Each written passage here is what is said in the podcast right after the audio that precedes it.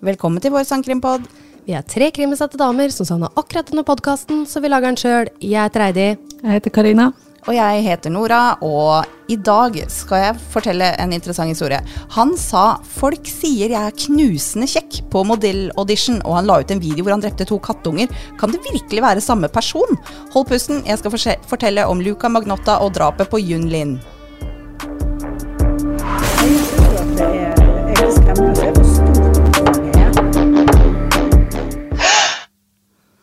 Hei, jenter. Hei. Det var en uh, klønete intro fra min side, men uh, Jeg syns det var bra, jeg. ja, det funker. Ja, vi har med oss en uh, gjest i dag òg. Hei, Karina. Hei. Hei. Uh, det er min svigerinne Karina. Jeg har nok eh, nevnt hun før, for jeg har fått tips av henne før. Og det inkluderer også tipset til dagens episode. Jeg tror ikke det er overdrevet hvis jeg sier at Karina lever og puster true crime. Eh, og du hører vel eller ser på noe sangkrim hver eneste dag? Da var det på i sangen jeg skal lage meg. Ja, Det er deg, det. ja. det er Du er en av dem!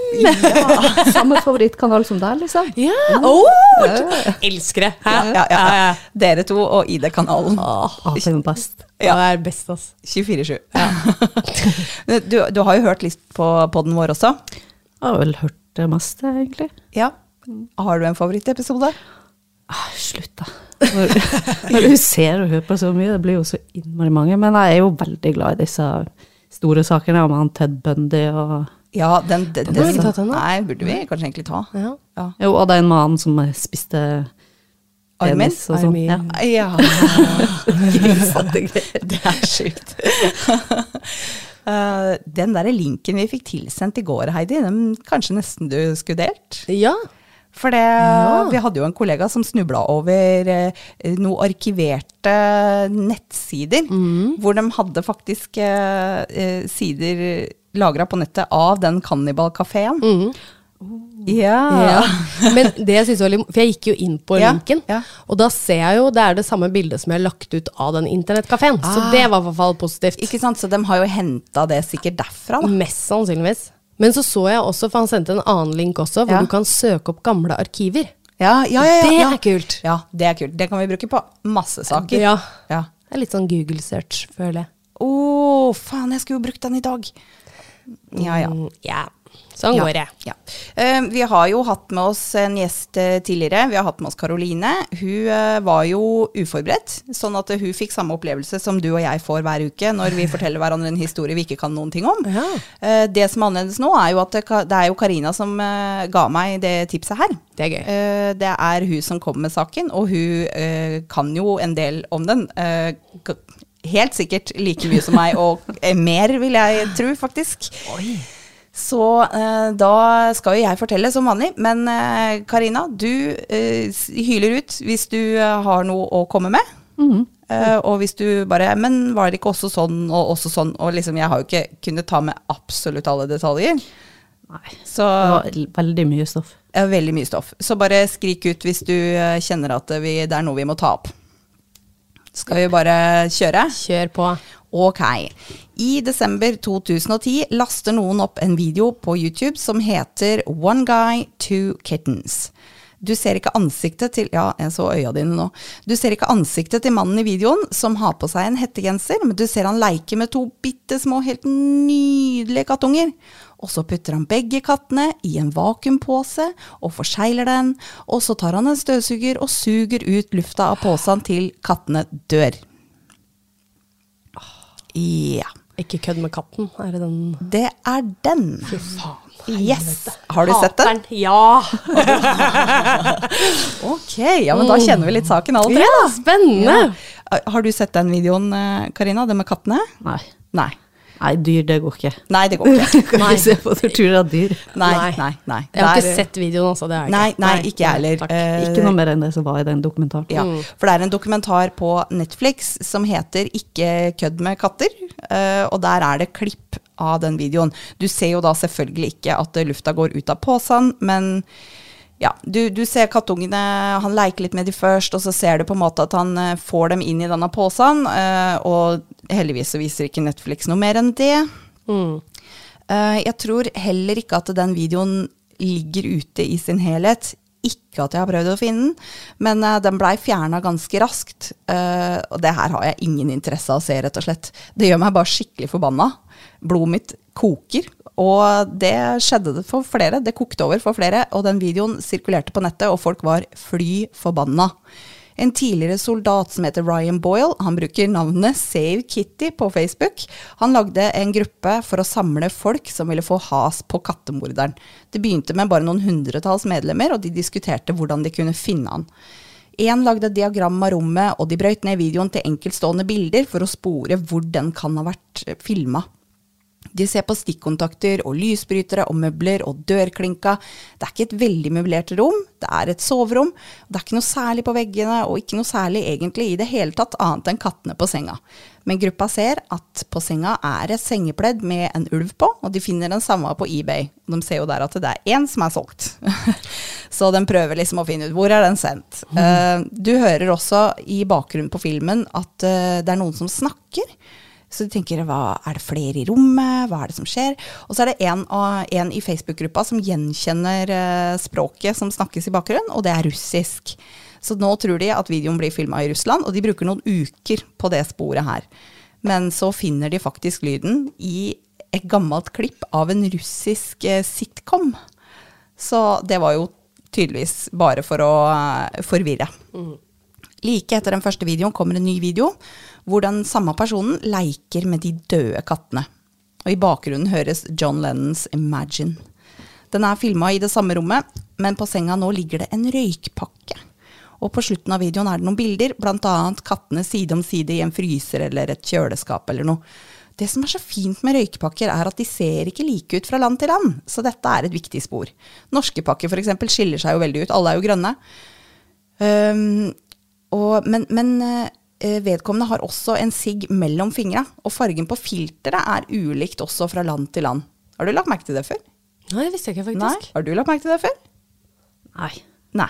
Jeg veit bare at det hvite filteret det pleier å være mentol. Ja, i, ja. i, i Norge så er det i hvert fall sånn. Ja.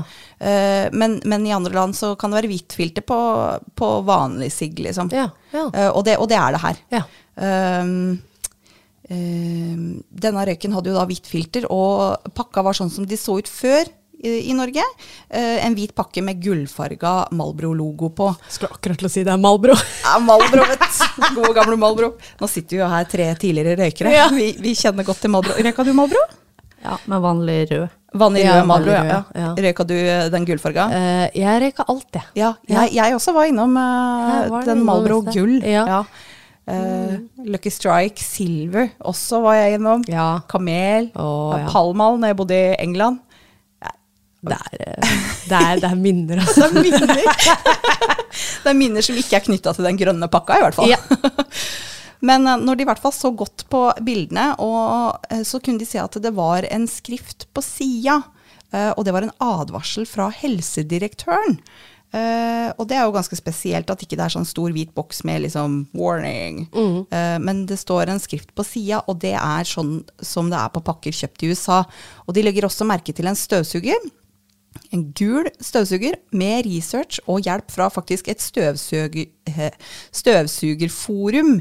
Eh, for internett har jo svar på absolutt alt. Så finner du ut at den støvsugeren selges kun i Nord-Amerika, altså USA, Mexico eller Canada. Like etter dette legger noen ut en link i gruppa til et bilde. Eh, John Smith, som la ut linken, hadde helt klart en falsk profil. Og bilden var av mannen i den grønne hettegenseren med de to døde kattene. Og fjeset var pikselert. Hadde kattemorderen nå tatt seg inn i gruppa? En dyrevernsgruppe i New York, eh, Rescue Inc., får nyss i videoen, og de utlover, utlover en dusør på 5000 dollar til den som kan gi informasjon som leder til en arrestasjon. Rescue Inc. det er en søt gjeng. De ser ut som hardbarka motorsyklister som starter, som starter slåsskamper for gøy, men de er faktisk lidenskapelig opptatt av dyrs rettigheter og nåde de som gjør noe fælt mot dyr. De er utrolig populære og hadde sin egen serie på National Geographic i 2009. Og Facebook-sida deres hadde nesten 100 000 følgere. Å, det hadde vært noe, Heidi. Oh. Ja. Men uh, de utlover, utlover, denne dusøren, da, og da eksploderer denne gruppa for å finne kattemorderen til rundt 15 000 medlemmer. Wow. Og de nye medlemmene er kjempeinteressert. Noen er private etterforskere, andre er dataeksperter, og mange har noe de kan bidra med. Det pikselerte bildet blir forsøkt fiksa opp i. Eh, mange skjermdumper bilder og foreslår hvem som kan ha gjort det. Profiler og mennesker fra hele verden, ikke bare Nord-Amerika. Det ble en heksejakt på alle som har på seg hettegenser og har halvlagd hår og er litt hengslete. Kan det være han? Kan det være han? Altså, han her har på seg hettegenser. Kan det være han? um, en profil stikker seg ut. Det er en som kaller seg for Jamsey Cramselot in his ass. Ok. Er bra navn. Ja, det Uh, ja. beste kallenavnet jeg har hørt på lenge, for å si det sånn. Ja. Ja. Profilbildet til Jamsey er en smal fyr med halvlangt hår, og på profilen sin har han delt en video av noen som heller bensin over et bur med en katt og setter fyr på det.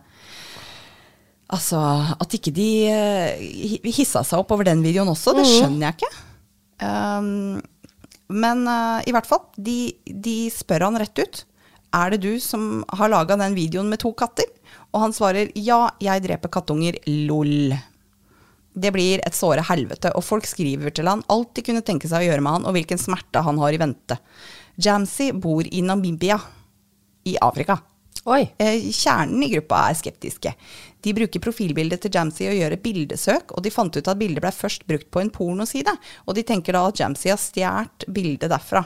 Og kjernen, på en måte noen få medlemmer eh, som var litt mer på en måte, mm, ja hva skal man si, litt mer samla, de trodde ikke det var Jamsey fordi at han bor i Namibia. Det, det henger ikke i hop med resten. Og de prøvde å gjøre gruppa oppmerksom på at det kunne umulig være med han. Være han. Altså hva med støvsugeren? Hva med røykpakka? Kom igjen, da. Kort tid etterpå tar Jamsey, eller Edward Jordan, livet sitt. Han hadde slitt med depresjon, og han var bare et nettroll. Det kunne jo umulig være han. De så et ekte bilde av han, og det var åpenbart ikke samme person som i videoen. Kort eh, tid etterpå så får noen av gruppemedlemmene en melding fra enda en falsk profil. Der står det at den dere leiter etter, heter Luca Magnotta. Men hvem faen er det?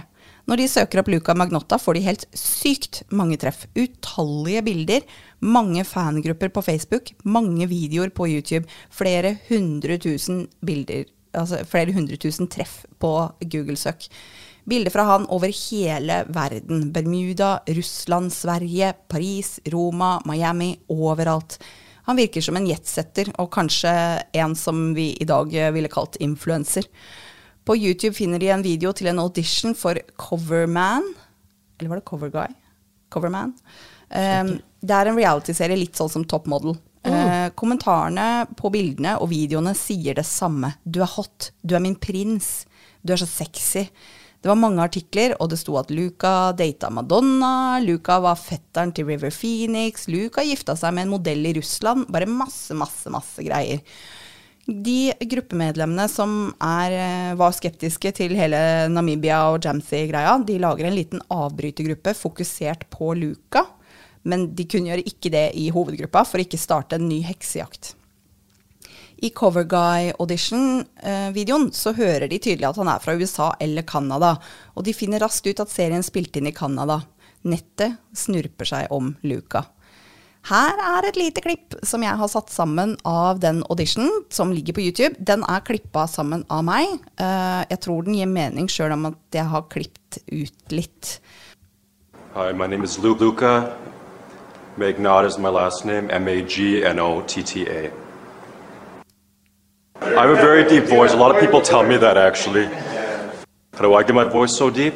Uh, Practice makes perfect, right?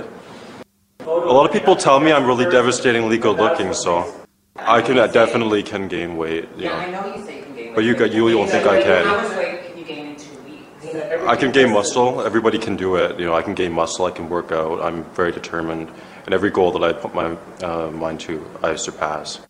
Ja, Ok. Han høres ut som en skikkelig sjølopptatt klyse, Ja. og han jetsetter rundt i verden. Og har modellbilder overalt på internett. Er dette her en person som lager video av at han dreper katter? Går det virkelig an?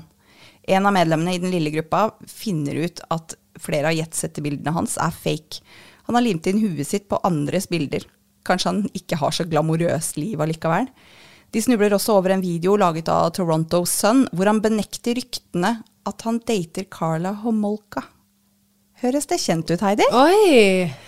Hvem er Carla? Nei, du Nei. Jo, Heidi, hun er Barbie. Ken og Barbie. Seriøst? Ja, du husker jo det navnet. Nå må du gi deg. Du tok jo den saken. Oi, herregud. Ja, nå er du med. Nå er jeg med. Herregud. Ja, Ja, selvfølgelig. ja. ja. Ja, så der ligger da en video hvor han benekter ryktene at han dater Carla Homolka.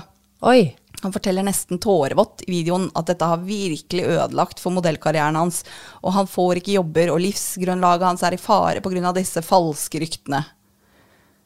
Men la oss snakke litt mer om hvem Luca egentlig er. Luca ble født 24.07.1982 i Scarborough, Ontario i Canada, og han fikk da navnet Eric Clinton Kirk Newman. Han skulle bli eldst av tre barn. Ifølge han var moren helt besatt av hygiene, og hun låste innimellom barna ute av huset for ikke skitne det til. En annen gang satte hun ut kaninkjæledyra til barna, så de fryste i hjel i snøen. Faren til Luca fikk diagnosen eh, schizofreni, og foreldrene skilte seg i 1994. Moren tvang Luca til å bruke bleier helt til han var seks-sju år. Nei. Det er litt spesielt. Fins det så store bleier? Det gjør kanskje Eh, ikke sant? Ja, det Fins voksenbleier? Altså, det var Ja, det jeg spurte om. Ja, det finnes jo voksenbleier. Ja, det gjør det. Ja Ja. ja. Tena lady. Dere. Ja, Får sånn eh, Og pullups òg. Å nei, Men, men du får jo også um, sånne der treningstruser. Det er jo barn som uh, tisser på seg Ja. om natta Ja. til skolealder og videre, liksom. Så du får jo sånne treningstruser i alle størrelser, da. Ja. Altså Denne flotte, oppegående moren hun tenkte at hun kunne gjøre det mye bedre enn skolesystemet, så barna fikk eh, hjemmeskole deler av oppveksten, fram til sjette klasse for Lukas del. Ehm, Etter foreldrene skilte seg, så flytta Luca inn hos bestemora, hvor både bestemor og lillebror gjorde narr av Luca fordi han var femi, og de kalte han både fag og faggot, nedverdigende ord som indikerer at han var homofil der, altså. Han blei erta ganske heftig og fikk aldri gjennomført high school. Han begynte å vise tegn til mental sykdom, og bestemoren tok han faktisk med i, til en lege, og i 99 eller 2000 så fikk han samme diagnose som faren. Han droppa ut av videregående, flytta inn til et gruppehjem hvor han prøvde å finne seg sjøl litt. Eh, han tok roller i pornofilmer, type Mann med mann, og jobba som eskorte og stripper for menn. Når han var 24, så fikk han en venninne. Hun var 21 år, men opererte på nivå med en åtteåring. Han tok ut kredittkort i hennes navn, som han maksa ut, og det fikk han en dom for. Han var egentlig også opprinnelig tiltalt for å ha misbrukt henne seksuelt og filma det, men det tiltalepunktet droppes før saken tas opp. Under den rettssaken viste advokaten hans dokumentasjon på at han var diagnosert med schizofreni. Og når dommeren leste opp dommen, så sa hun at du har et medisinsk problem. Du må alltid ta medisiner. Gjør du ikke det, kommer livet ditt til å bli ordentlig rotete. I 2007 erklærte han seg personlig konkurs når han hadde en gjeld på 17 000 canadiske dollar. Han tok også flere operasjoner, bl.a. HE-transplantasjon, og i et intervju så forteller han at han skal operere inn implantat i brystet og armene for å definere muskler. Og jeg vil bare minne om hvor sykt lett han sa det ville være for han å bygge muskler på audition-videoen for uh, Coverguy. Uh, for han kan nå alle mål han setter seg. Han overgår de målene han har, faktisk. Ja. Han prøvde hardt å bli kjendis og var på audition til flere realityshows. Og jeg tror det intervjuet hvor han snakker om hva han skal operere neste gang, jeg tror han også var på audition for noe sånn derre eh, plastikkoperasjon-type realityshow. Oi. Jeg satt akkurat og tenkte på det. Jeg tror kanskje han var med på noe sånt. Men kanskje jeg har sett han. Nei, nei, men jeg, jeg syns jeg leste at han aldri kom forbi audition. Men han var jo i hvert fall på audition, da. Tror du at du har sett han, Karina? Vet ikke. Jeg er litt usikker. Ja. Um, skal vi se Jo, han prøvde hardt å bli kjendis, og han var på audition til flere realityshows. Ja, det sa jeg jo. Uh, han oppretta også utallige profiler i sosiale medier, og lagde, og lagde fansider til seg sjøl. Han lagde også en Wikipedia-side om seg sjøl. Er det lenge siden du så dokumentaren, Heidi? Ja. Ja, for der ser du jo på en måte de treffa som gruppa får opp når de eh, søker den opp. Uh, og du ser liksom de fangruppene har sånn seks medlemmer der, fem medlemmer der, ti der. Altså det er, det er små grupper, men det er mange av de. Ja. Ja. Han var altså Han lagde jo en Wikipedia-side om seg sjøl, og det er så klart sånn at han har satt ut de ryktene om at han data Carla Homolka og sjøl, bare for å skape blest rundt sin egen person. Og han la også ut videoer som glorifiserte henne på en av sine mange YouTube-kontoer. Han flytta til New York i 2010, og der delte han en video på sosiale medier som het Three Guys, One Hammer, som viser en mann som blir slått i hjel. Den videoen deler han. I, det, det, er liksom, det er lett å se hvor han blir inspirert. Three Guys, One Hammer, One Guy, Two Kittens. Eh, I en artikkel hvor det sto om ryktene mellom Carla og Luca, så kommenterer en bruker, mest sannsynlig Luca sjøl, at Luca kan ikke leve uten litt kaos i livet sitt. Det får han til å føle at han betyr noe. Virker som en veldig god observasjon, syns jeg, nesten som om han har litt sjølinsekt. Men det var sikkert bare for å liksom skape mer blest rundt seg sjøl. Det var i desember 2010 at den første kattevideoen kom ut. Og da er vi tilbake der vi forlot eh, Facebook-gruppa i stad.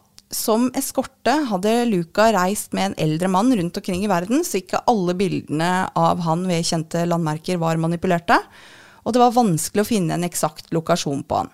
Gruppa, den lille kjernen som har danna sin egen gruppe, de går igjennom flere tusen bilder for å finne ut hvor Luca er. Visste du at det er digitalt fotspor i bildene dine? Oi, er det det? Altså, har du tenkt på det før du så den dokumentaren, liksom? Jeg har sett at det er det på telefon. At Ja. du liksom, det kommer opp et kart, og Ja. så Ja, det er viser det hvor hen Ja. du har tatt det bildet. Så, Men- eh, jo. ja. Men jeg har ikke tenkt på det før jeg så det Nei, kartet. og det, og det visste jeg jo, at eh, du kan se hvor bildet er tatt. Det ser du jo på telefonen din. Men når du da laster det bildet opp på Facebook, så kan noen laste det ned, og laste det opp i en database for sånn Exif, for å finne Det heter Exif-data, tror jeg. Hvor de kan da finne ut koordinatene hvor det bildet ble tatt. Det er litt skummelt. Er det ikke det? Altså, Hvor sykt lett er det ikke å stalke noen i dag? Ikke for å gi noen ideer, men Nei. jeg tviler på at eh, sånne folk hører på oss, egentlig. Men det er litt ekkelt. Det er veldig ekkelt. Ja. Sjukt creepy. Så de, så de gjør det her, da. De laster ned bildene og laster det opp på denne sida for å finne den dataen, Exif-data. Um, og de leita og de leita og de leita, men mange av bildene hadde ikke sånn Exif-data. Jeg vet ikke om det er noe man kan slå av. Det burde man jo i så fall vurdert. ja. ja. Tenk hvis han kanskje har tatt det med sånn vanlig kamera. Eller Ja, men kommer det opp der? Det er Ja, ikke noe GPS og sånn på det. Nei, det er det jo ikke. Men Ah, kanskje det. oh, Ah. godt poeng. Kanskje bare Ja, Ja. for det bildet de fant Exif-data på, for de fant det bildet hvor det var data, det kan jo ha vært tatt med en mobil. Ja, det kan det. Det var jo eh, det var et bilde fra et kjøpesenter i Toronto. eh, hvor han bare sitter på en sofa foran et speil, liksom. eh, på et kjøpesenter. Og det er klart, da tar du det kanskje med mobil. Ja. Mens disse andre bildene hvor han har liksom fotoshoot, det er sikkert tatt med kamera. Ja, du er inne på noe der, Karina. Ja, det Det er litt bedre kvalitet enn det det var på de mobilkameraene i 2010. Ja, ikke sant. Ja. Ja. Godt poeng. Et annet uh, bilde de fant. uh, via det så fant uh, en av medlemmene hans gamle adresse. For der var han avbil- avbilda på en balkong, og i bakgrunnen så kunne du se et lyskryss og en bensinstasjon.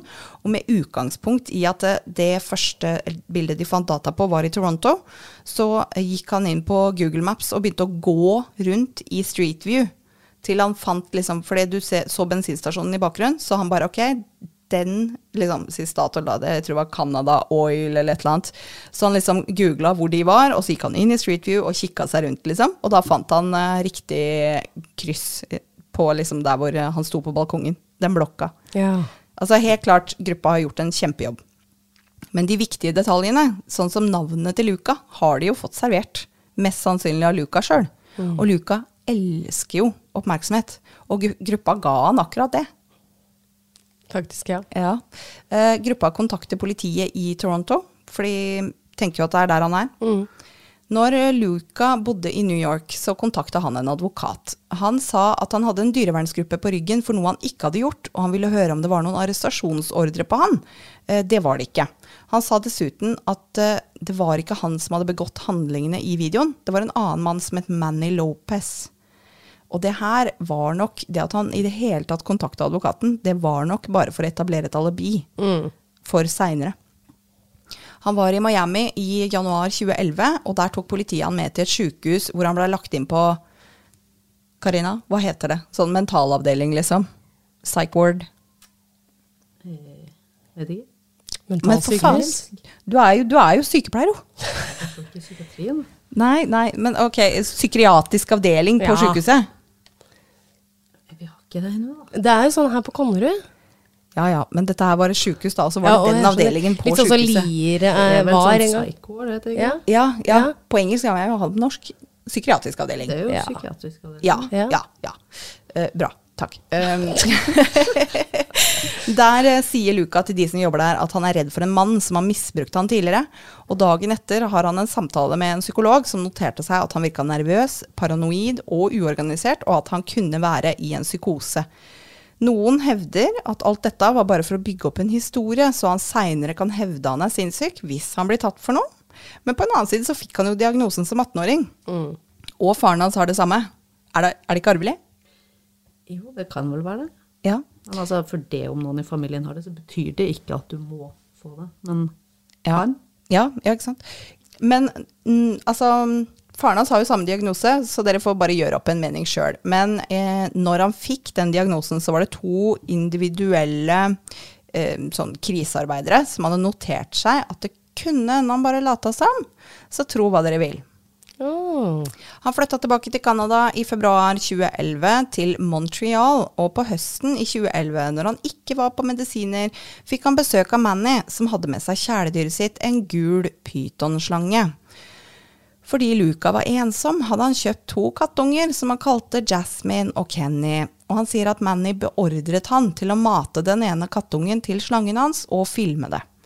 Denne filmen blir også lagt ut på nettet og finner veien til Facebook-gruppa. Det er nesten et år siden første video, og interessen i gruppa har dabba av. Medlemstallene som eksploderte når Rescue Inc. Eh, meldte seg, har eh, sunket igjen. Og det kan jo hende Luca føler han ikke får nok oppmerksomhet lenger. Eller var han under tvang fra denne Manny? Dagen etter kommer det enda en video. En katt er teipa fast i noe. Det ser ut som et kosteskaft eller noe. Og katten blir holdt nede under vannet i et badekar til den drukner. Manny tvang Luca til dette også. Ja, bare akkurat det klippet de har i den dokumentaren, og de øynene på den katta, det er grusomt å se på. ja, ja, ja. For det vi, er så redd. ja, disse videoene har jo vi jo ikke sett. Men det jo Nei, jeg vil ikke se dem, men Nei, nei, akkurat nei. bare det lille, fæle Ja. klippet som lå der. Ja. Eh, det er klipp i dokumentaren 'Ikke kødd med katter', eh, som ikke er grafiske. Du ser på en måte før det skjer, da. Men eh, katten er jo teipa fast. Det, det er kosteskaft eller noe, ikke det? Jeg tror det er noe sånt. Eller to. Det ser ut som han har på en måte laga eh, sånn slags ramme, og så er katten teipa imellom. Det ser ut som sånn brei bred teip som du bruker på pappeske. Ja, ja. Altså, bare tenk pelsen sitter fast. Det er klart at Ja. katta er helt vill i blikket. Stakkar. Det Åh. det er helt jævlig. Etter dette her så drar Luca til London. En journalist får tips om at Luca er kattedreperen, og oppsøker ham på hotellet hans for et intervju. Mest sannsynlig er det Luca sjøl som har tipsa journalisten. Luca benekter alt, så klart, og har en tirade om hvor fælt det er med alle disse ryktene, og hvordan det ødelegger for hans modellkarriere. Journalisten og noen av gruppemedlemmene får en e-post dagen etter fra kattemorderen, hvor det står hvor gøy det er å drepe katter, og følge med på at de famler i mørket etter han. Og han lover at den neste videoen blir enda bedre, og neste gang skal han ha med et menneske. Den YouTube-kontoen som lasta opp eh, videoene, altså de to, den med pytonslangen og den i badekaret, eh, er eh, på en måte en ny konto, da. Men det her veit vi jo om han, at han har veldig mange kontoer. Men brukernavnet til den kontoen som lasta opp de to videoene, er et offer fra en annen kjent sak i England. Uh, The Moores Murders. Uh, oh, ja. Jeg kjenner ikke den saken, eh, dessverre. Kanskje man skulle ha kikka litt på det. Men i hvert fall eh, E-posten er også da sendt i navnet, og skrevet under med navnet, til et annet offer i samme sak. Og i den videoen med slangen så spilles til og med Little Drummer Boy i bakgrunnen, en sånn julesang. Samme sang som det ene offeret i den engelske saken døde til. Oi. Dette er en person som er glad i mordsaker, og en som kan mye. Det er veldig spesielt. Ja. I den videoen også med pytonslangen så har han jo på seg nisselue. Og eh, profilbildet til Jamsey, som han hadde stjålet Han hadde limt på en nisselue på det bildet han hadde stjålet. Så det kan også være en liten sånn nikk til det. Ja. Det er så intrikat. ja, det er det, altså. Yun Lin flytta fra Wuhan i Kina til Montreal på utveksling i 2010. Wuhan, det er liksom ingen som visste hvor det var før, men nå veit alle det. Ja. Er det ikke der eh, koronaen først blei Stemmer det. Yep. Eh, han studerte til å bli dataingeniør. Vennene sier at Yun var en positiv type, altså skikkelig hel ved. Faren sier han var eventyrlysten, modig og flink, og han hadde planer om å bli boende i Canada og starte sitt eget foretak. Jun var 33 år, en pålitelig og litt sjenert fyr som ikke hadde kommet ut av skapet ennå. Han likte Canada for den liberale kulturen, og han følte han kunne være med seg sjøl, mens hjemme så hadde han press for å gifte seg snart, med en kvinne, så klart. Um, Jun og Luca møtes via en annonse på Craigslist, litt sånn som finn.no, bare at også med kontaktannonser. Um, det hadde akkurat blitt slutt mellom Jun og eksen hans Fang. Den, I den siste SMS-en Jun sendte, eh, så skrev han 'god morgen' til Fang den kvelden han møtte Luca. Fang var i en annen tidssone, ser du. Så de to hadde fortsatt god kontakt. Yun og Luca er filma når de går inn eh, leiligheten til Luca nede i inngangspartiet der, og, men overvåkningskameraene viser ikke at de går ut. Dagen etter, 25. mai 2012, så lastes det opp en video til bestgore.com som heter One Lunatic, One Ice Pick. Denne videoen er fryktelig grafisk. I Netflix-dokumentaren kan du se et lite klipp, hvor du ser at det, du ser egentlig bare at det ligger noen i en seng, og ryggen til en mann som står foran. Den virker også ganske pikselert, litt dårlig kvalitet, eller så har jo Netflix gjort det med vilje. I dokumentaren så virker det som om videoen helt enkelt viser en mann som blir knivstikket, eller stikket med en ishakke eller skrutrekker, men videoen viser så mye mer. Gjør den ikke det, Karina? Den viser veldig mye mer. Det er jo liksom ti og et halvt, nesten elleve minutter lang, den som ligger på Best score. Ja, en liten advarsel. Det Karina skal fortelle nå, er ikke veldig hyggelig å høre på. Vi snakker om eh, oppstykking av lik, nekrofili og grovt seksuelt misbruk, for ikke å snakke om mord. Og det kan hende at jeg klipper hvis det blir for jævlig, Karina. Ja, Men vær så god. Skjønner godt at du vil klippe det. Ja. Nei, det er jo sånn som du sier, du ser jo i starten bare at det ligger en mann bundet fast eller teipa. Eh, og så setter han seg jo over denne karen, med, og så begynner han sånn veldig forsiktig. Så litt sånn Veldig forsiktig, litt sånn feminint hakking. Sånn småhakking til å begynne med, da. Trenger gjennom huden da, liksom? Eller er det mer litt man sånn ser på en måte ikke hva han setter med, da. Nei. Man ser bare at han setter litt sånn, litt sånn forsiktig, sånn, Pirke at han borti, nesten ikke liksom. tør. Og så borti, blir det ja. mer og mer sånn mens han setter over skaus på denne karen. da. Og så blir det jo klept litt eh, hit og dit. Og så ser du plutselig at han driver og skjærer av armen. Og bare ser at han drar en sånn kjøkking, det bare drar og drar og drar. Men da blør jo ikke dette, så da er det jo dødt. Da Ja. blør man ikke lenger. Nei. Og så blir det klept igjen, og så ser du bare at han har en løs arm, som han da stryker mot sitt eget kjønnsorgan utapå buksa. Denne Ja. han-arm-greia. Og så blir det jo klept igjen, og da ligger han oppå denne, som nå bare er en overkropp, uten Ja. bein, uten armer, uten hode, på magen, mens han ligger og driver på med sitt Ja. oppå der. Nekrofili, ja. Ja. Og så blir det klept, og da har han ei vinflaske som han driver og putter oppi der. ja. Og så blir det mer klept, og så ser du en valp som kommer inn og begynner å sleike på dette liket.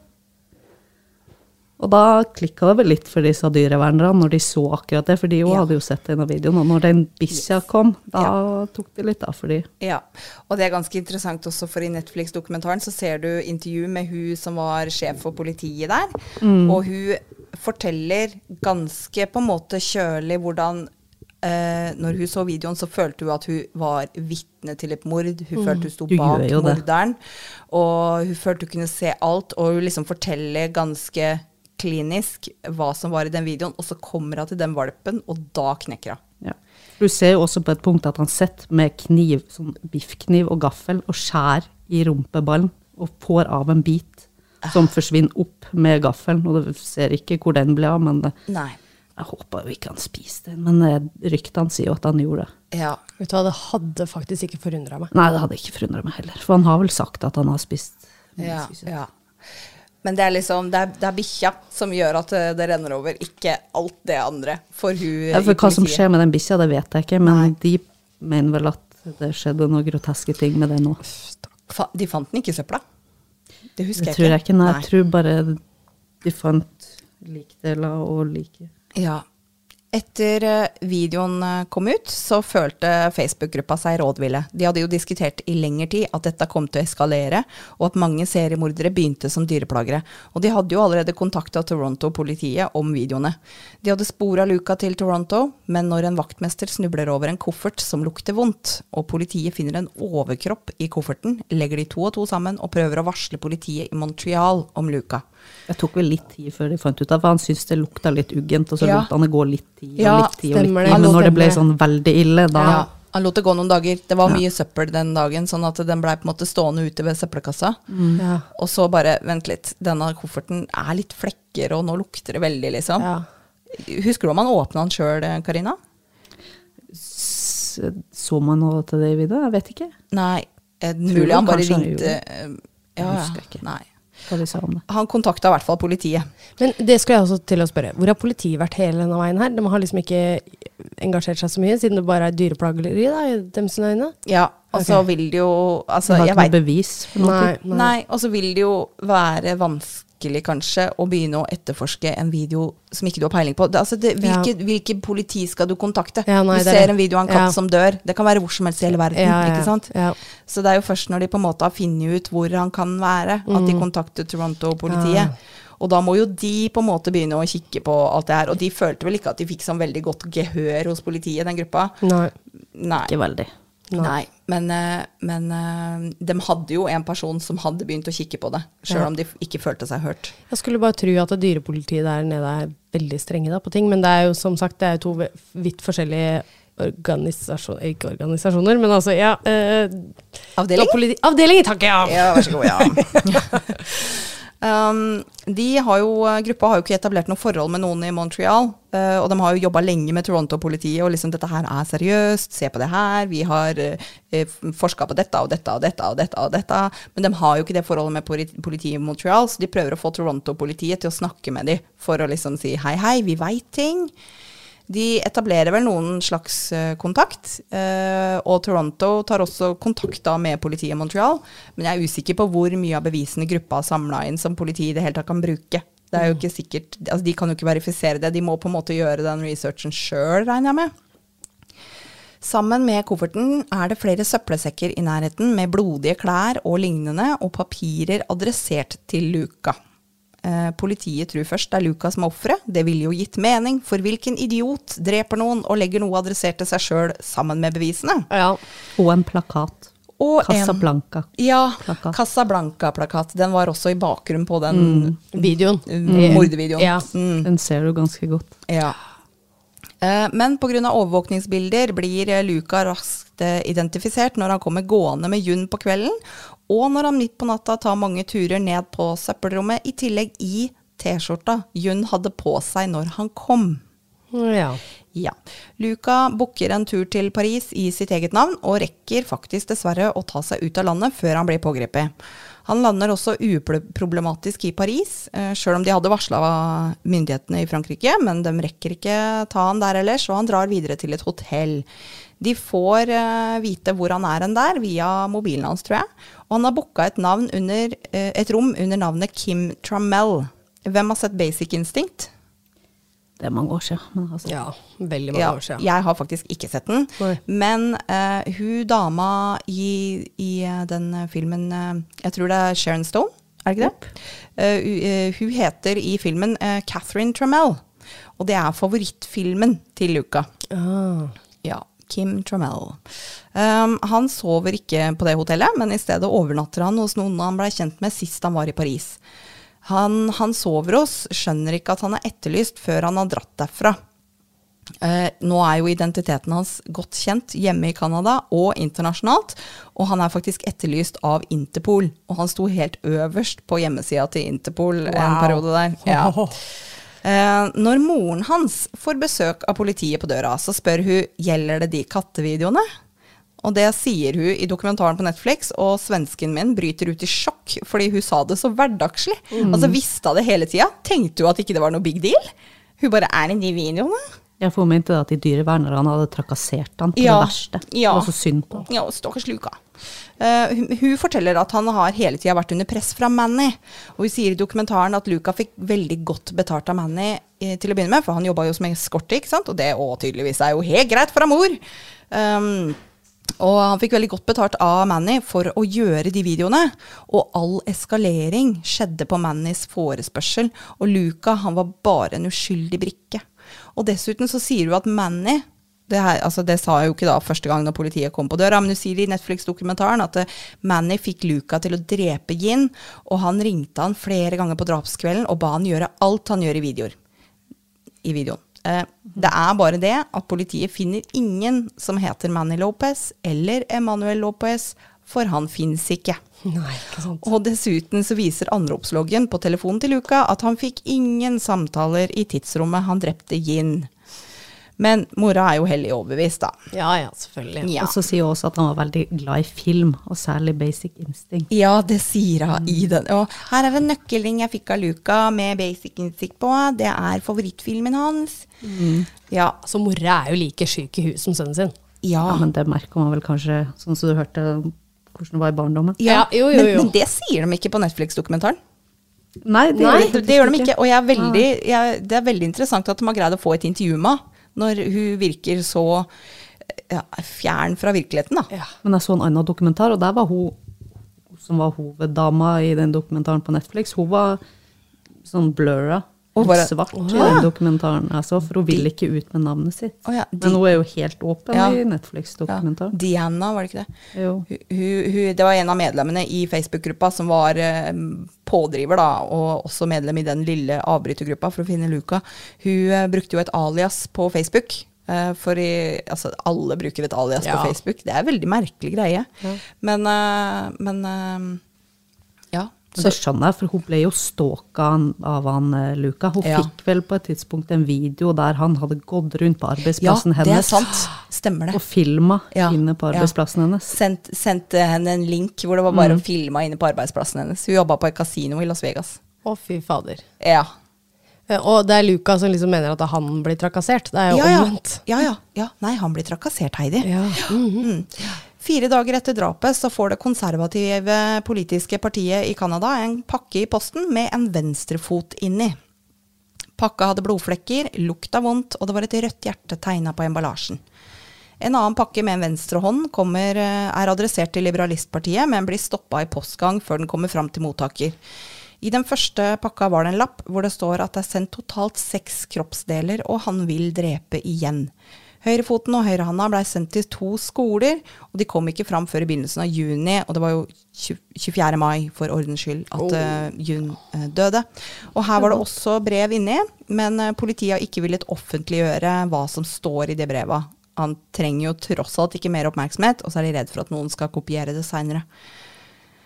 Altså copycat killers, ikke sant. Alle kroppsdeler blei identifisert til Jun via DNA. Luca tar en buss fra Paris til Berlin, og der blir han faktisk tatt. 4. juni 2012. Det er da elleve dager siden han drepte Jun. Han besøker en internettkafé, og eieren der er veldig glad i å følge med på nyhetene, så han har fått med seg saken. Altså Han sitter og opererer en internettkafé, og, og liksom, han leser nyheter hele dagen. Mm. Internettkafé, det var uh, blast from the past. Ja, blast from the past. Har dere vært på en? Nei. Å ja, selvfølgelig. Ja, ja, jeg òg. Jeg bodde jo på sånne kafeer eh, før Da var jo ikke dette så bra hjemme. Nei, nei, ikke sant. Så det- Her i, her i Norge, liksom? Nei da, Eller når nei du var eh, Eh, Jeg var vel 14 år, jeg var på Tenerife eller noe sånt. Ja, ja, ja, Det var ikke snakk om at jeg skulle være med familien da, altså. Å nei. Nei, nei, du skulle sitte og eh, chatte på MSN. Oh yes. ja. Jeg òg brukte litt internettkafé før vi fikk internett eh, når jeg flytta til England i 2007. Ja, det var en eh, stor greie. Mm. Det kan vel neppe finnes noe internettkafé lenger. Det tror jeg ikke. Ja, kanskje langt ned i Europa. Ja. Ja. Men dette her var jo i 2012, da. Ja. Men, men. Eh, så um, i hvert fall, han er på denne nettkafeen, og eh, han eh, som eier eh, nettkafeen uh, syns kanskje at han kjenner igjen Luca. Han er litt sånn hm, hvor, hvor har jeg sett deg før? Så han rødder seg litt innover i lokalet for å liksom ta en ekstra titt. Han liksom går litt sånn tilfeldigvis rundt der, og da ser han at Luca sitter og leser nyheter om seg sjøl. Han ringer politiet, og en hel tropp møter opp for å hente han. Ingen kommersielle flyselskap vil ha han om bord, så han fraktes hjem i militærfly og blir overlevert til myndigheter i Canada 18.6. Jeg bare syns det er så morsomt at han blir tatt mens han sitter og googler seg sjøl. Altså, Ja. han, er Mm, så, det er så ironisk. han er så sjølopptatt at det er helt kronisk. Det er merkelig. Ja, men det er nesten så du ser at han smiler når han kommer av det flyet Ja. når han blir filma òg. Ja, det gjør du. Ja, ja, ja. Han er litt sånn åh, yes. masse oppmerksomhet, Masse presse. Se på meg, se på meg. Han driter liksom i hvordan han skal få denne berømmelsen sin. Så Ja. det er noe. Ja, ja. Eh, rettssaken skal skje med jury og publikum, men ingen presse. Um, jeg elsker det, for han er jo glad i oppmerksomhet. Uh, men det var faktisk et ønske fra Lucas advokater om å ha en lukka rettssak uten publikum, men, eller presse, men i hvert fall pressen blei holdt utafor, da. Og jeg tror dommeren la til grunn faktisk at Luca ikke skulle få oppmerksomheten han så tydelig ønska. Det er Smart. Ja, advokatene de, de, de hadde nok Det var nok deres forslag at det skulle være lokka, fordi Luca ville helt sikkert hatt det åpent. Ja, garantert, vet du. Luca han sier seg ikke skyldig, eller det vil si han vedkjenner at han har drept Jun, men han hevder at eh, han ikke kan holdes ansvarlig pga. sin mentale helse. Ja, selvfølgelig. Der kommer den inn. Ja, og han advokaten han kontakta i New York, han har jo også snakka med politiet i Montreal før rettssaken og sagt liksom ja, Luca kom til meg da og da og sa det her og bla, bla, bla. Så ja, det, hvis det var for å prøve å etablere et alibi, så er det i hvert fall varsla. Ja. Um, Men var det til advokaten eller politimannen han hadde sagt at han var så lik han Michael Douglas, som også er i Basic Instinct? ja, nei, det var eh, han advokaten i New York, mm. hvor han hadde kommet til på For han hadde liksom syntes at det var en veldig rar ting at han sa, men Ja. han skjønte det når det Ja. kom frem alt dette med en Basic Instinct-filmen. Ja, for det han hadde sagt til advokaten, har noen sagt at du ligner på Michael Douglas? Han er bare så rar. Han er rar, ass. Ja. Eh, forsvaret hans eh, de holder jo selvfølgelig De holder seg til det her, at han var sinnssyk i øyeblikket. Men staten på sin side at, sier at dette var så veldig planlagt. Han var metodisk og organisert. Og dessuten hadde de funnet beviser på at han hadde reklamert på nettet for den kommende videoen ti dager før han drepte Jun. Det er ganske spesielt. Det er spesielt, altså. Coming soon to a computer near you. altså, det er sjukt. Um, Luca han eh, la dessuten skylda på Manny. Og det blei konkludert at både aliaset Kim Trammell og navnet Manny kom fra filmen Basic Instinct. Fordi der heter forloveden til Catherine Trammell heter uh, Manny Vasquez. Eh, Så klart blei han dømt skyldig av Yes. juryen etter åtte dagers betenkningstid eh, på alle punkter. Han blir da dømt for overlagt drap, likskjending og har publisert morbid materiale og har sendt morbid materiale per post og kriminell trakassering av statsministeren og flere parlamentsmedlemmer pga. det han sendte til partiene. Han får livstid med mulighet for prøveløslatelse 25, eh, etter 25 år for drapet. Og så får han også 19 år for de andre punktene, men det er en dom han kan sone samtidig. Eh, han anka saken umiddelbart, og advokatene hevda at dommen var urimelig og ikke støtta av bevisene som foreligger. Nei da, det er bare filma, liksom. Uh, hvordan, ja. hva, hvordan kan de si det? Men han trakk faktisk anken i februar 2018. Ja, så bra. Altså, hvordan Nei, det samsvarer ikke med bevisene. Det er liksom øh. Så nå er han i fengsel, da. Ja. Ja. Uh, han er på en datingside for innsatte. Herregud. Canadian Inmates Connect. Og her datt Nora ned i et lite kaninhøl når jeg prøvde å finne ham på sida. Men jeg fant han dessverre ikke. Men det er en YouTube-video som eh, Karina har sendt meg, hvor de har en skjermdump av profilen hans. Eh, Så her er det som står i den. Det står at forventa løslatelse er i 2037, og han er interessert i menn. Han søker en hvit mann, alder 28 til 38 år, som er i form. En som er trofast, helst utdanna, økonomisk og følelsesmessig stabil, og som søker et langtidsforhold. Hvis du tror du er min drømmeprins, send meg et brev med minst to bilder. Jeg svarer de jeg tenker kan passe for meg. Bare seriøse henvendelser, takk. All annen korrespondanse vil bli kasta. Økonomisk stabil i fengsel. Ja, det, det Ja. stussa jeg på. Nei, ja, men han søker jo folk utafor Ja, fengsel. ja, jo, jo. Du ønsker jo folk som Men jeg bare tenkte sånn, ja ok, du skal Litt mer sånn sugar daddy, tenker jeg, opplegg da, når han skal være økonomisk stabil. For det er jo faen meg ikke han når han kommer ut. Nei. Nei, nei, nei. Nei. nei. Men altså, økonomisk og følelsesmessig stabil, han Ja. har jo ikke noe av det. Nei, det òg. Også det at du skal ha en som er i form når du, til å skrive brev til deg når du er i fengsel. Altså jeg tenker, For det første, du kan ikke nyte den kroppen som er i form på utsida. Nei. Og for det andre Du har vel besøkssted? ikke? Nei, Jo, ja, men- jo, ja. Jo, men det er ikke sånne alenerom, er det det, tror jeg? det Er det ikke noe det, ja. Norge har det, det, i hvert fall. Ja, Norge, ja. Congregational visit. Ja, da må Eh, du Men ikke være da gift må du vel eller noe være sånt. Ja, det er det jeg Ja, mener òg. Ja. Men altså, jeg tenker også det, at når du sitter inne, så kan du ikke kreve en som er uh, så jævlig deilig. Nei. Du får bare Ja, da men han du- syns jo sjøl han er veldig deilig. Han er Ja, er veldig deilig. Han er Ja. veldig Ikke veldig. Nei, han er ikke det. Men eh, i forhold til den Casablanca-plakaten nå, Ja. og Basic Instinct, Ja. og Icepick Ja. Hun drepte med Isake, og den Casablanca-plakaten var også i bakgrunnen når hun drepte. Ja, ikke sant. Ja. Så han har henta mye fra den Basic Ja. Instinct-filmen. Jeg skal se den Ja, filmen. det, det må kjenner jeg tydeligvis se igjen. Ja, Ekstremt mange år siden jeg har sett det. ja Ja. Jeg tror jeg må, jeg må se den. Ja. Eh, jeg vet ikke hvorfor ikke jeg har sett den før. Jeg bare har ikke sett den. Den er veldig gammel, da. Ja, det er det. Men den er jo kjent Den på er jo veldig- grunn av eh, Eh, det- en det- viss er skrevescene det er med en et skjørt. Ja, det er én scene jeg har sett uh, klipp av på YouTube. Eh, det var vel jeg tror eksen min som uh, mente at jeg måtte se den. Og det er jo Sharon Stone sitter der med beina kryssa i avhør, og så uh, legger Hun har liksom f.eks. venstre over høyre fot, da, og så åpner av beina og legger eh, høyre fot over venstre, ikke sant? så hun bare endrer mm. krysset. Men da, i eh, den prosessen, så har hun jo på seg skjørt og viser fram hele kalkunen når hun uh, bytter, bytter bein. Kalkun. Ja. Spennende. En, en veldig kjent scene. Ja. Ja. Men jeg har lest noen profiler på denne sida, da. På Canadian Inmates Connect. Um, og der Ja.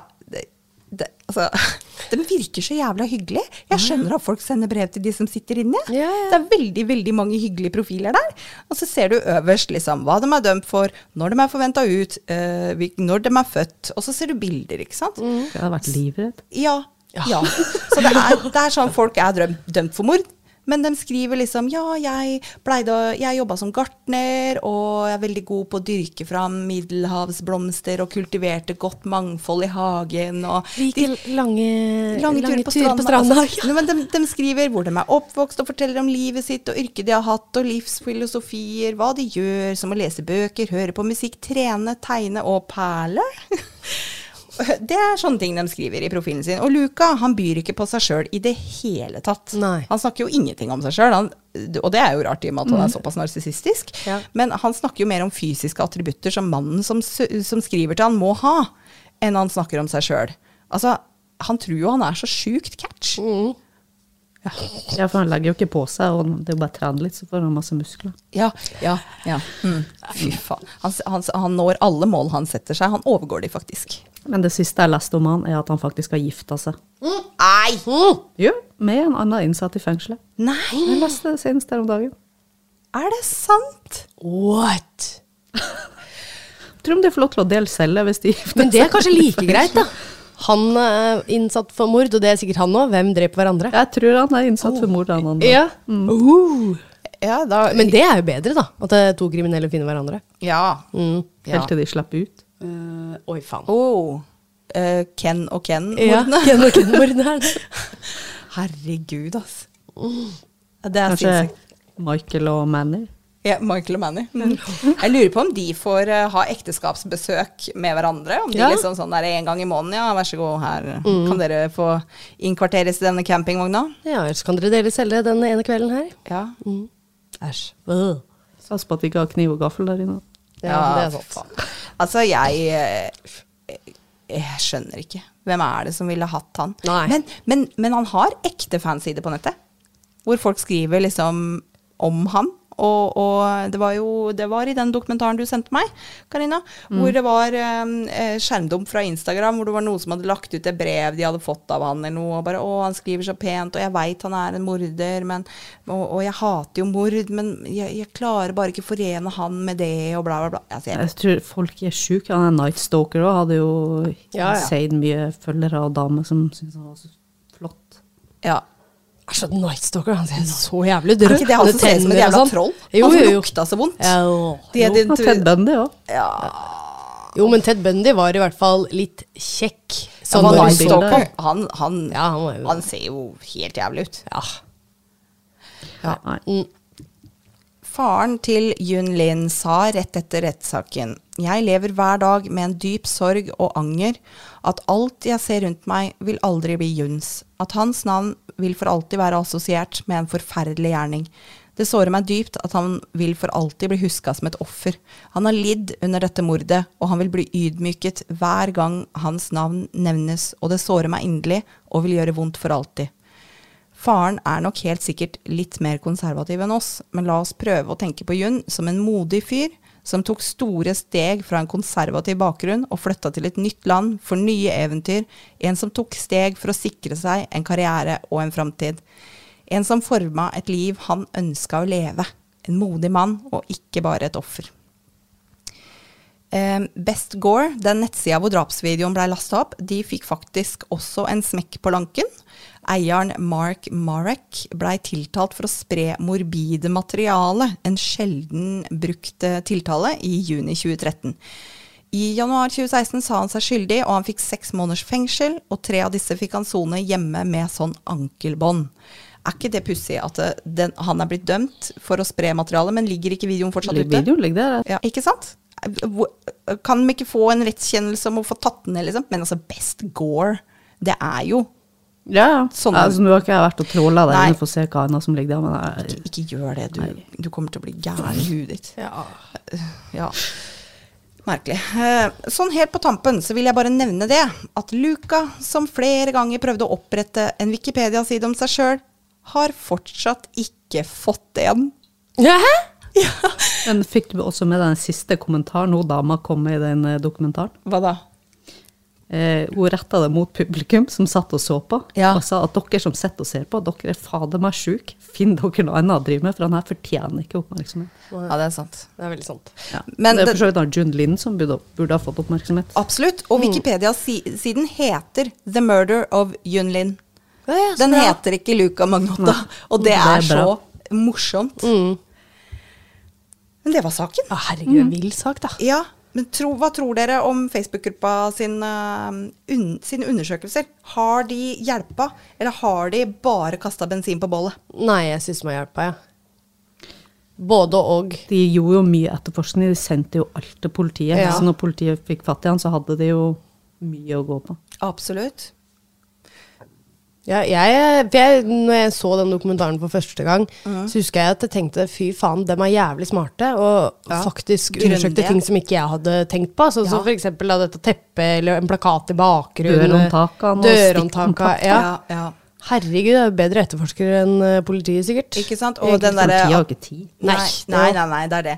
Og så det der at noen bare Å, det er russisk, og så finner de klippet fra en russisk sitcom, og den scenen, liksom. Ja. Bare, jo, de har gjort en kjempejobb. Ja, er du gæren? Men i den ene videoen som de også snakka om, Ja. så sier jo hun dama det at du ser jo ei tredje hand. Ja, og Ja. det eh, var vel den Den med pytonslangen. Ja, den stusser jeg litt på. Jeg òg. Og det har vi ikke noe svar på. Nei. Fordi han sa jo det at det var Manny som kom på besøk med pytonslangen sin. Mm. Og det er klart, han hadde vel ikke noe pytonslange. Så noen må jo ha eid den pytonslangen. Ja, ja, ja. Men tror du ikke kanskje han bare har lagt ut på Craigslist 'Har du en slange? Jeg har mat'. ja garantert. Ja. Og Eller kan- at han kanskje gjorde det etter mordet på han Jun at han liksom bare lirka armen rundt og laga det til sjøl. Ja, kan det er sant. dukke. Ja, det kan det Han være. er jo sjuk. Ja, det kan være bare en dokke, eller eh, Ja. ja. Spørsmålet er jo litt om han hadde dratt det så langt hvis ikke han hadde fått så mye oppmerksomhet for det. Ja, det er det jeg tenker litt, da.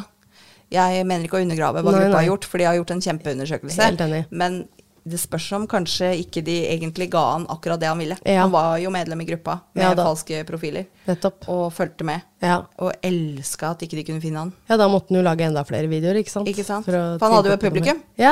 Ja, men tror du ikke han har gjort det for å få oppmerksomhet? Han hadde endt der på et eller annet tidspunkt. Jo det, da, da? ja. Jo da. Jo, Han han hadde nok det. At det var Ja. sjukt. Ja. Hvis han skjønte at det funker ikke eh, lenger med dyr, liksom. Jeg får ikke noe oppmerksomhet. så Da får jeg gå på mennesker. ja, og så er det jo klassisk tegn på eh, begynnende seriemordere. Ja, ja, ja. At de begynner med dyr. Ja. Det er ikke noen tvil om det. Æsj. Det er Ja. frustrerende sak. Veldig. Ja. Men han fikk som fortjent. Da. ja, han gjorde det. Og han er en dust, og Mm. han ble tatt mens han googla seg sjøl. Og han har fortsatt ikke en Wikipedia-side, så det. Det er det beste. noe rettferdighet finnes. Eh, Ja. Jeg husker Jeg jeg, så den dokumentaren og bare flirte. Jeg bare, herregud, Ja. dust. Liksom. Ja, Ja. Idiot. Vi elsker jo dumme kriminelle. Ja, ja det er ikke noe tvil om. Ja. Takk for at du gjesta, Karina. Det Var hyggelig? Det var gøy. Ja, og takk for eh, den forferdelige skildringa av den videoen. Ja, takk. Ja, vær så Men jeg syns du gjorde en jævlig god jobb, for det, selv om det var jævlig, så, så var det litt sånn sensur i der Ja, det var ikke, det var ikke ja. så liksom, detaljert, Nei. så takk deg for det. Ja, Takk for nei, det. uff. Ja. Kan ikke gjøre det. Nei, Nei, men nei. Du, får, du kan lage ditt eget bilde. tilfelle oppi Hedda, da, som får beskjed om at hun ikke skal høre på, kommer til å gjøre det. Ja, ja. Ja, ja. Dat Dattera hennes Ja. som hører på oss. Aha. Mm. Mhm. Du kommer til å sitte i publikum, du, den 25. august. Eh, ja, får satse på det. Hedda vil i hvert fall. Ja. Ja, det er eh, ja, Vi har, vi har av dattera hennes som må ha kommet. Yes. ja, nei, hun har vel nevnt det. Ja. For eh, 25. august så skal vi være med på Drammen podkastfestival. Det er 25. august, torsdag 25. august klokka åtte på kvelden. Og på en kafé i Drammen som heter Hos Solveig. Arrangementet er helt gratis. På en torsdag? Vi, ja, på en torsdag. Vi skal spille inn live foran publikum, og vi publiserer episoden i ettertid. Og bor du langt unna, så Eller ja, ikke langt unna, men eh, bor du så du kan ta toget hit, Ja. så er det liksom fire minutter fra stasjonen. Ja. Og nevnte jeg at det var gratis? Det er gratis! Og, og, og vet du hva, Nora? Hva? Det er gratis. Å, Heidi, Ja. er det gratis? Ja! Ja, kom igjen da, folkens. Uh, vi deler arrangementet på Facebook når det er oppretta. Ja. Så ja, jeg legger ut Æsj, det er litt sånn at jeg ikke har lyst til å legge ut bilder av han, vet du. For at, uh, han er jo så sjølopptatt og Ja. glad i å spre bilder av seg sjøl. ja. Det er egentlig veldig sant. Uh, ta heller du, Hvis du ikke tar av han, da, så kan du ta offeret. Ja. Eller Legg ut av. June. Ja. Jeg skal Jun får Ja, legge ut, ja. det kan vi legge ut. Og eventuelt, for jeg husker veldig godt det der bygget med den bensinstasjonen og sånt. Ja. Ja. ja. Kan heller ta det, da, vet du. ja. Um, Det finner du ut av. kan se, kanskje jeg tar eh, Kanskje jeg inkluderer ett bilde av han, men det blir Ja. i hvert fall ikke noe sånn der eh, lang eh, det blir, det blir ikke fem bilder, modellbilder av Luca. Nei. Kanskje, kanskje skjermdump av når han går inn på Toronto Sun. Han ser ut som en pipestelk med to svære uh, solbriller. Ja. Og så jævla liksom diva der han kommer og Nei, karrieren min er ødelagt. Uh, Uhu. Buhu. Buhu. Ja. Eh, vi får se hva jeg legger ut. Men noen bilder kommer i hvert fall på Facebook og Instagram. Så snakkes vi neste uke da, folkens. Det gjør vi. Ha det. Ha det. Ha det.